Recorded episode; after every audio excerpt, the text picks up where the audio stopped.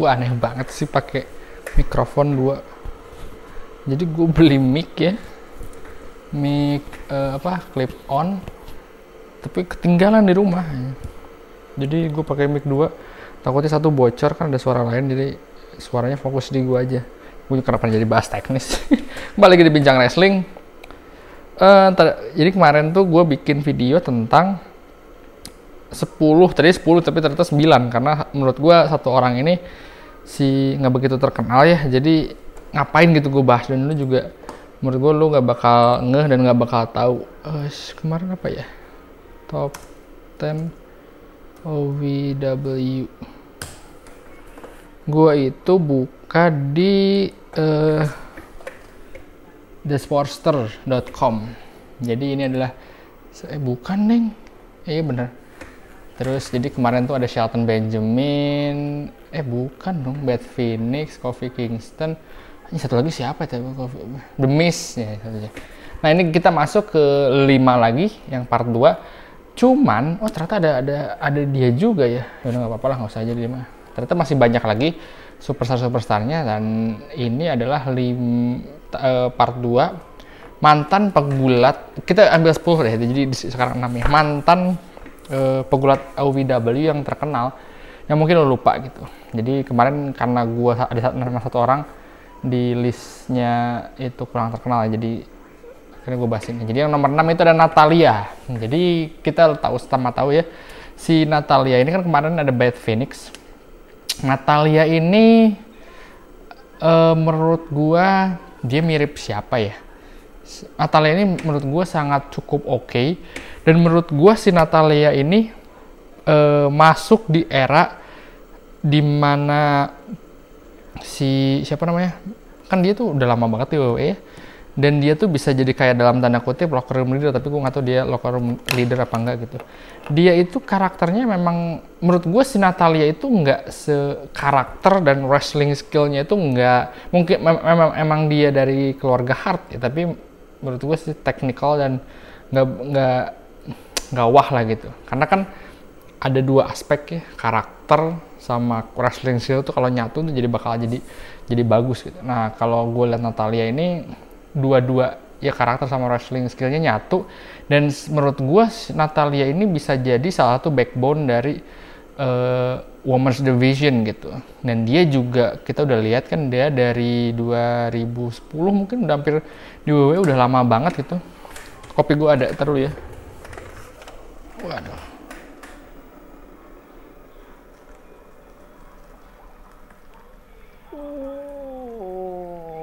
Wah, mantap.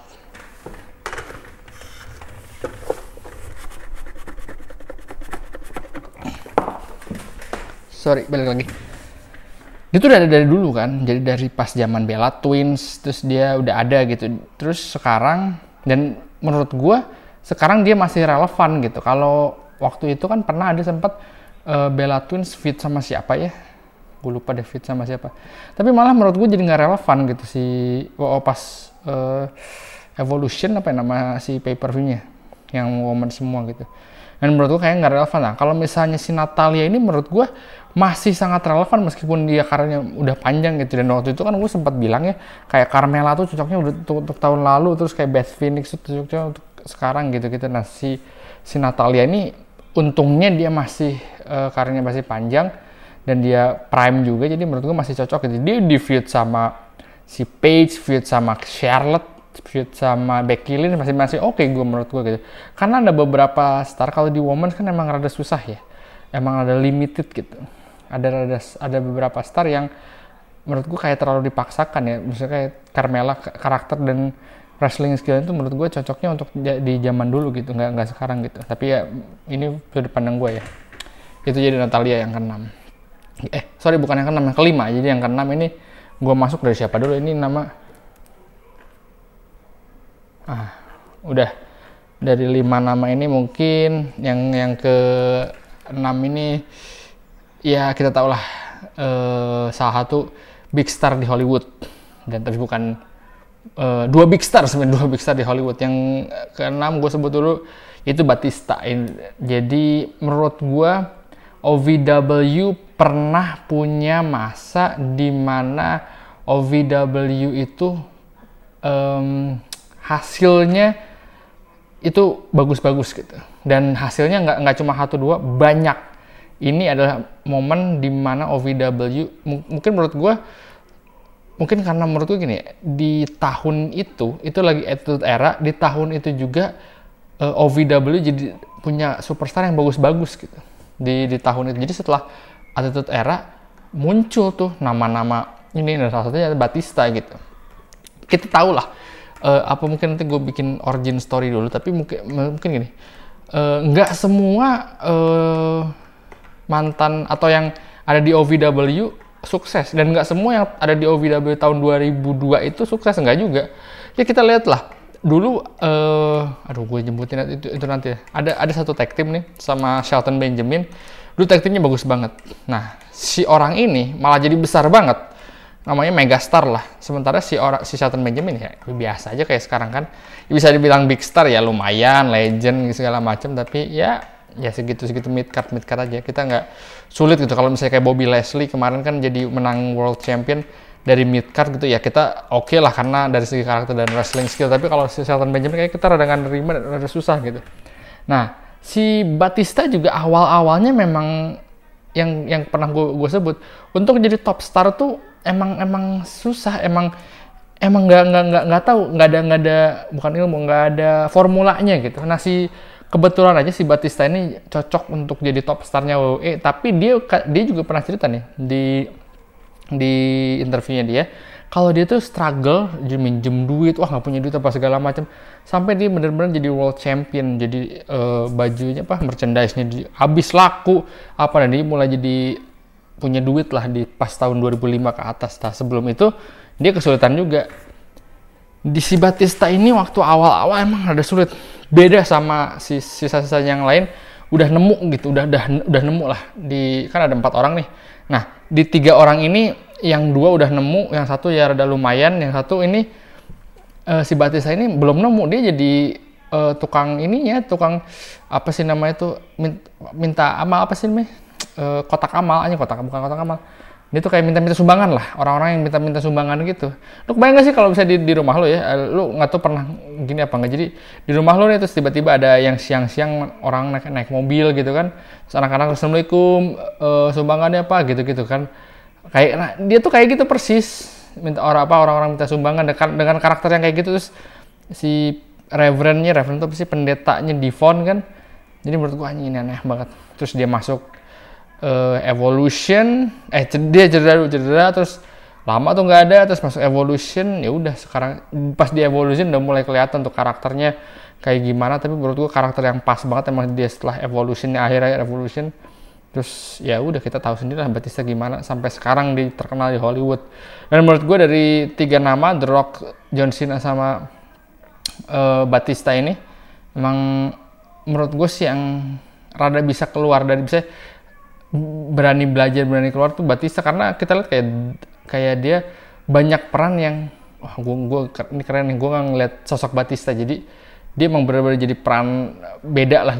Sementara kalau Rock kan jadi Hobbs jadi siapa pasti perannya gitu gitu. John Cena juga sama kan.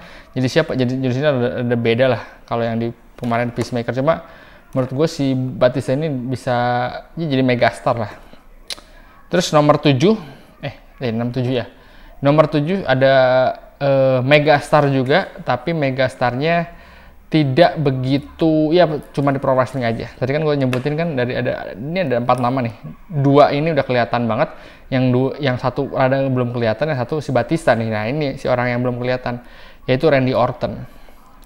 Persis kata tadi gue bilang, Randy Orton juga sempat struggle gitu di awal-awal karirnya gitu uh, dia bisa jadi top star kayak sekarang. Dan dan dan di ini mirip Natalia dia masih relevan gitu sampai sekarang.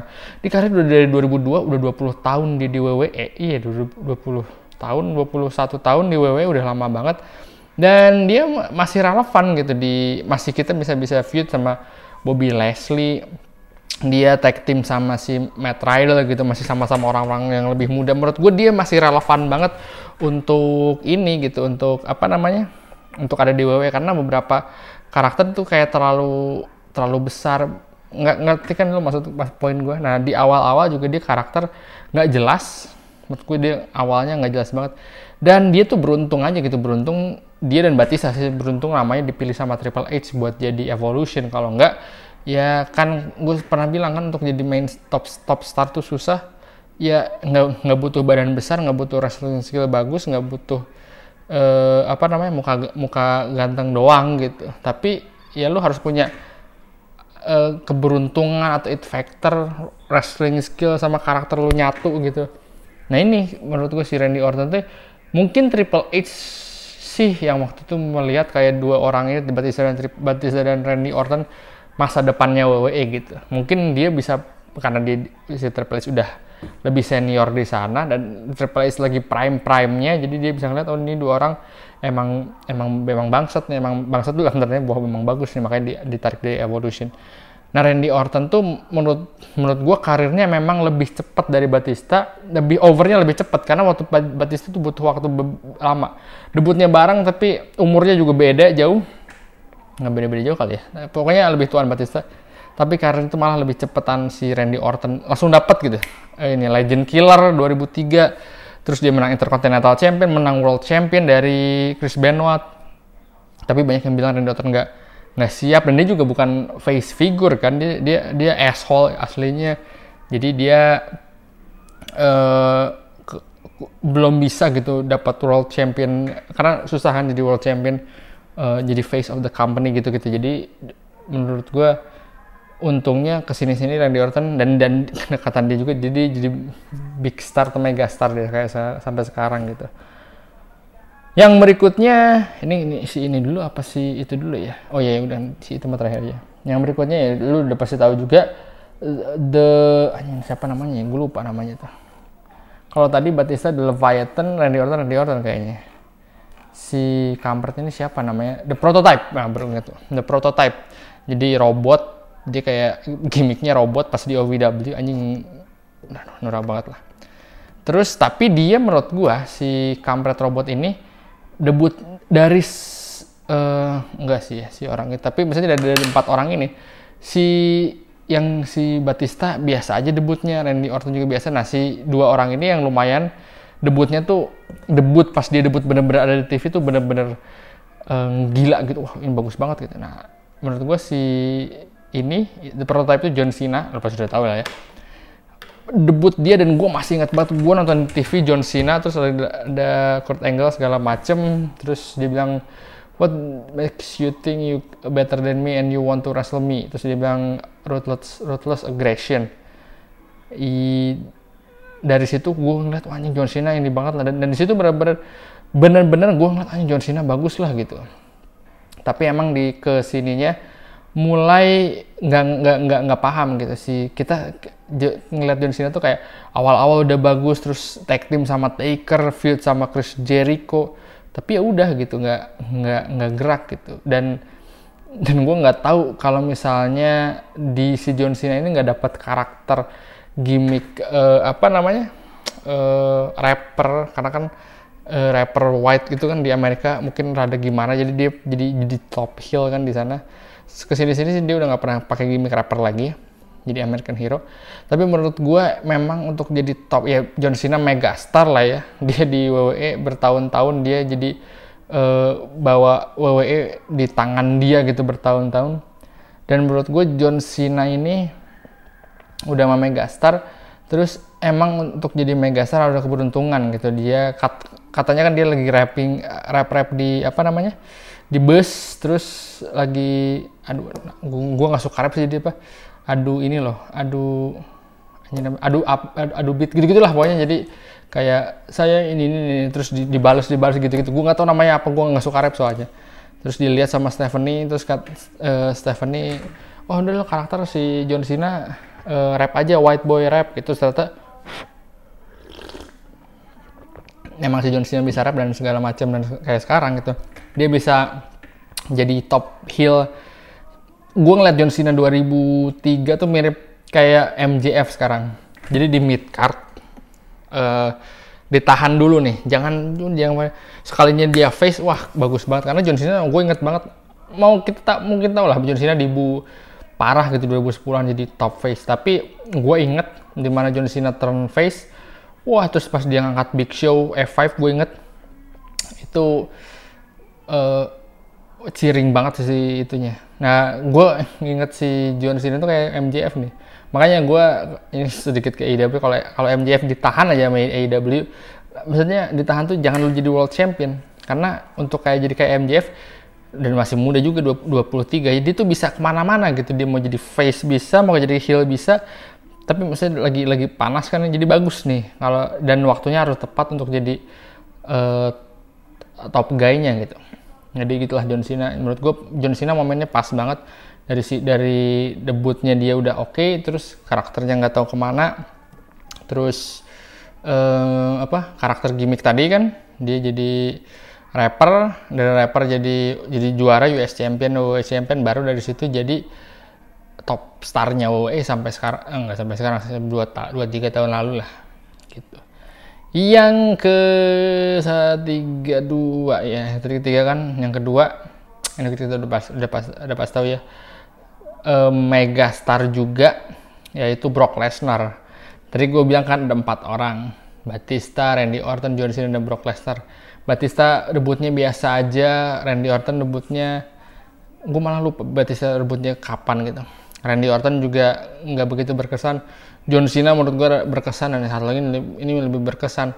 Brock Lesnar itu debut setelah WrestleMania gitu lo tahu kan WrestleMania hype-nya masih gede setelah WrestleMania 18 2002 setelah WrestleMania 18 terus dia pokoknya debut tiba-tiba datang ring wah uh, squashing squashing gitu dia uh, undefeated kalau nggak salah tuh sampai Survivor Series kan jadi di 2002 gua nggak tahu ini ceritanya gimana ya.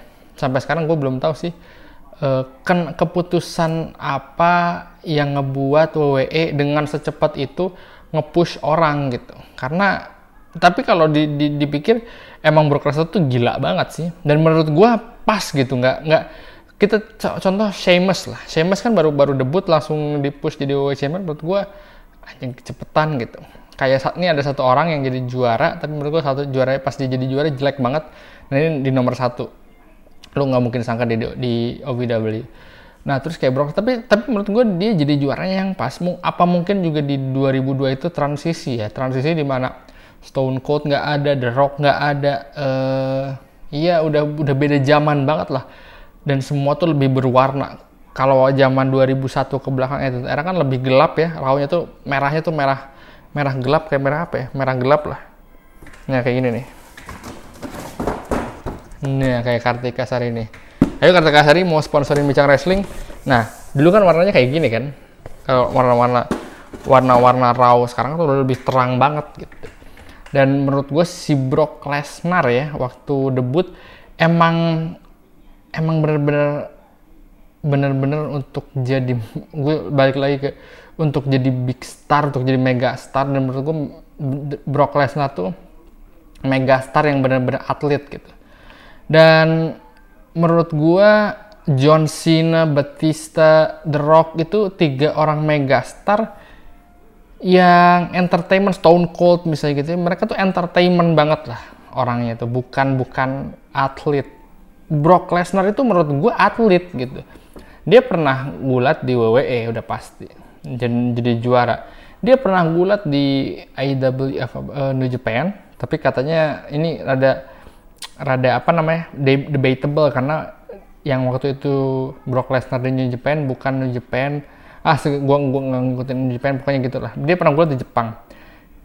Dia pernah uh, jadi fighter UFC dan menang UFC Heavyweight Champion. Dia pernah juga setelah itu di uh, eh, NFL tapi nggak begitu karirnya nggak begitu bagus di sana setelah dari UFC dia ke WWE lagi balik lagi. Itu setelah dari WWE dia ke UFC satu pertandingan tapi di diskualifikasi. Dan sampai sekarang Brock Lesnar gitu. Jadi menurut gue dia bener-bener atlet gitu bukan dan juga mantan atlet Olimpiade apa ya? Apa apa gimana? Lupa. Pokoknya gue bener-bener si Brock Lesnar ini orang yang saya dibilang emang atlet aja karena Brock uh, sorry Batista John Cena The Rock itu kan mereka mah ya entertainment aja gitu entertainer bukan bukan ini bukan bukan atlet lah gitu. Terus ada bilang ah, emang Brock bisa bisa gulat? Dari, dari dulu gue suka, suka bilang Brock salah satu pegulat yang oke okay, menurut gue karena dia atlet. Nggak cuma dia bagus dari menurut gue dia bagus banget sih dibanding Goldberg mah ya. Terus dia bagus banget.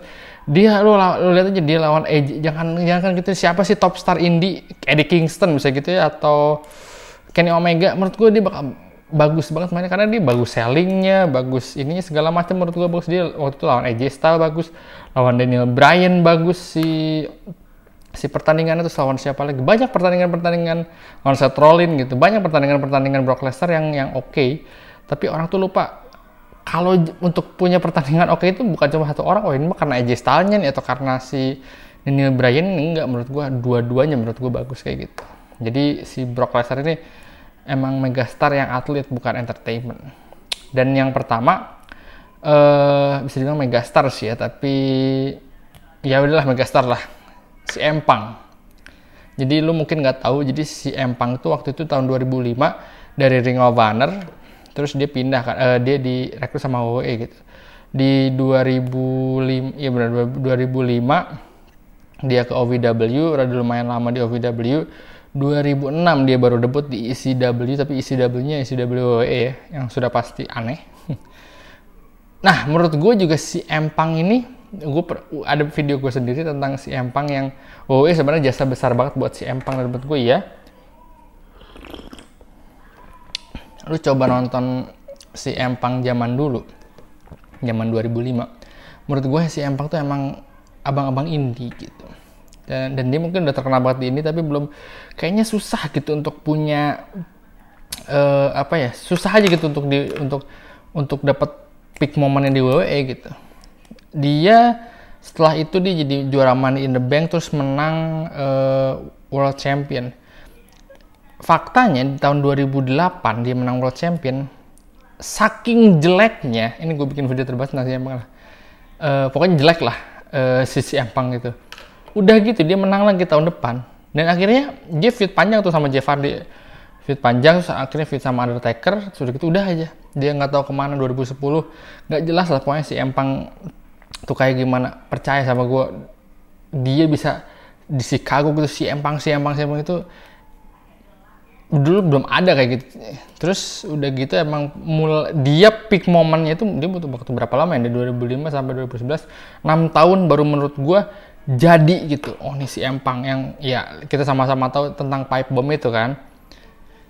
Dan menurut gue sih emang si pipe bomb itu eh, ngebuat karakter si Empang kayak eh, sekarang gitu. Orang-orang jadi anjing si Empang keren banget lah. Karena hal yang di zaman itu hal meskipun udah internet ya halnya masih rada tabu gitu. Jadi eh, jarang diomongin hal-hal yang kayak Batista kan dia ngomongin Batista kan Batista terus siapa lagi gitu dia ngomongin tentang Paul Heyman guy gitu. Jadi dia tuh kayak kayak Mark atau Smart ya gue lupa. Uh, para hardcore fans yang dia kayak ngewakilin kata-kata hardcore fans gitu. Dan dan dia bisa ngeraup oh ini hardcore fan oh ini anjing ini bener lah si Empang kata-kata abang-abang ini ini.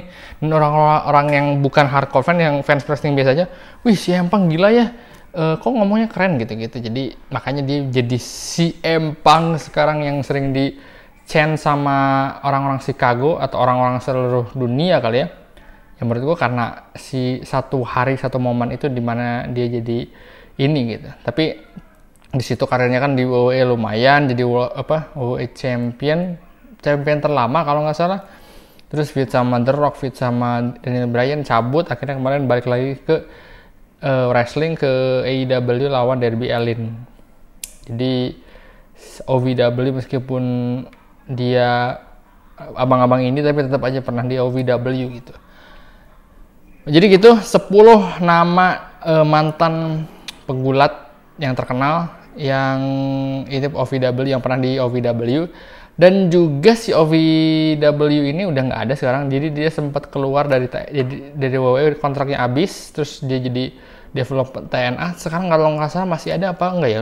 Gue lupa. Cuman jasa-jasa OVW ya list 10 orang yang tadi yang gue kasih tahu itu nama-namanya besar banget.